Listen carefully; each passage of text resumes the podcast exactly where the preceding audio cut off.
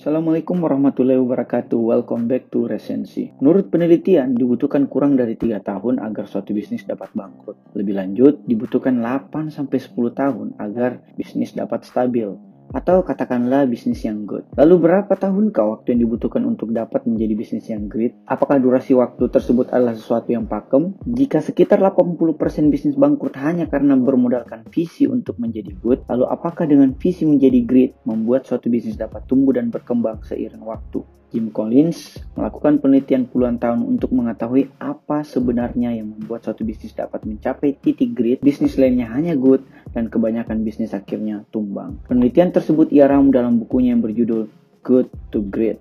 Prinsip pertama menurut Collins adalah hadirnya manusia disiplin dan sebab primer dari manusia disiplin adalah keberadaan kepemimpinan level 5. Jika kepemimpinan level 1 hanya berkutat pada individu yang baik, kepemimpinan level 2 hanya melahirkan manajer yang baik, kepemimpinan level 3 menciptakan eksekutif yang baik, kepemimpinan level 4 menurunkan eksekutif yang profesional namun individualistik, maka kepemimpinan level 5 mencetak bukan hanya eksekutif yang profesional melainkan pula yang rendah hati. Ia tidak sesumbar bahwa kehebatan bisnisnya semata karena pengaruh besarnya, melainkan ia dengan rendah hati menunjuk timnya atau bahkan takdir baik yang membawanya ke puncak tersebut. Namun, kepemimpinan level 5 saja tidak cukup. Dibutuhkan manusia-manusia disiplin lainnya yang berada dalam lini bisnis tersebut. Tim bisnis yang baik, kata Kiyosaki, more important than money. Collins menyebutnya siapa dulu, baru apa. Tentukan dulu siapa orang yang memegang posisi tertentu, baru selanjutnya apa yang harus dijalankan dalam posisi tersebut. Memastikan siapa saja yang ada dalam bus akan melancarkan perjalanan bus bisnis Anda sampai kepada tujuan. Right man on the right place. Pastikan bukan saja sarjana hukum yang mengisi posisi direktur legal, melainkan sarjana hukum terbaik yang Anda miliki. Dengan manusia disiplin, yaitu kepemimpinan level 5 dan hadirnya tim inti terbaik di bidangnya, maka pemikiran disiplin akan menjalar ke seluruh bisnis Anda. Jika karyawan Anda 500 orang, hampir mustahil memastikan bahwa 500 orang tersebut adalah yang terbaik di bidangnya masing-masing. Itulah mengapa kehadiran kepemimpinan level 5 dan tim inti terbaik menjadi begitu penting. Mereka lah yang menularkan pemikiran disiplin mereka ke seluruh karyawan Anda. Pemikiran disiplin yang utama adalah tabah. Tabah menurut Angela Duckworth adalah kemampuan bertahan di saat tersulit sekalipun untuk tetap memperjuangkan tujuan bisnis yang bangkrut karena diisi bukan saja oleh karyawan yang tidak tabah atau gampang menyerah, tapi diawali oleh tim inti dan pemimpin yang tidak tabah. Bertemu dengan penipu, pasang surut keuangan, ancaman dari saingan, merupakan sesuatu yang menjadi rintangan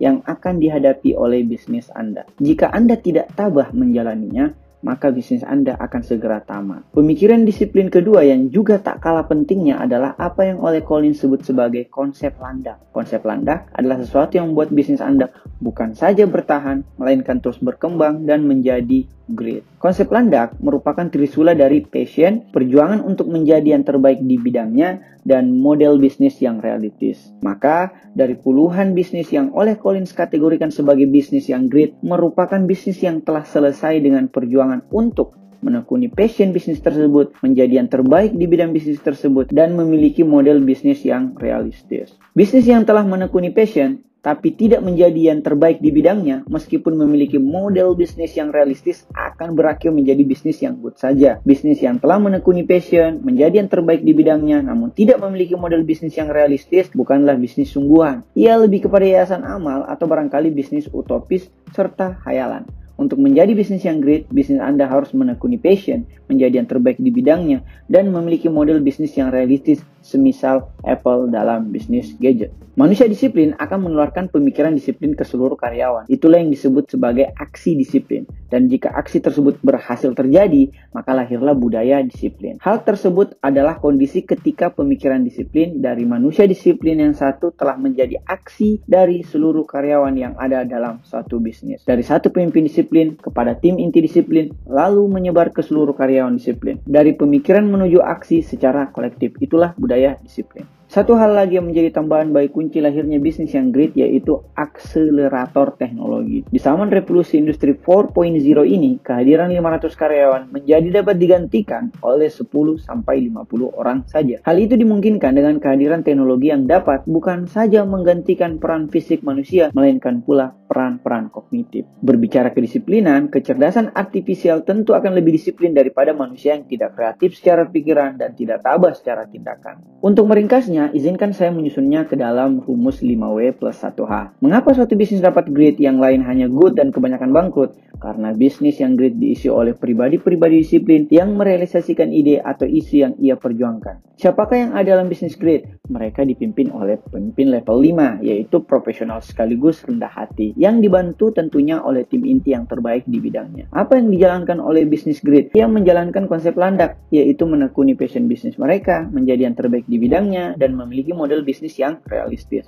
Bagaimana mereka menjalankan bisnis yang great? Dimulai dari ide dan aksi pemimpin disiplin, kemudian menyebar ke seluruh karyawan untuk kemudian mengkristal menjadi budaya disiplin. Di mana bisnis great dapat eksis?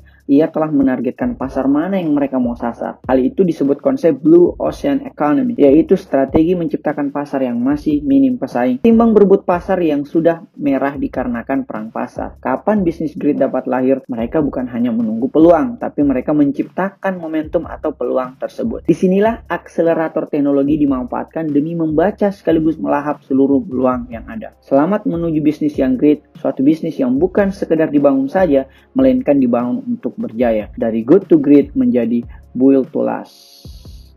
Ada pertanyaan?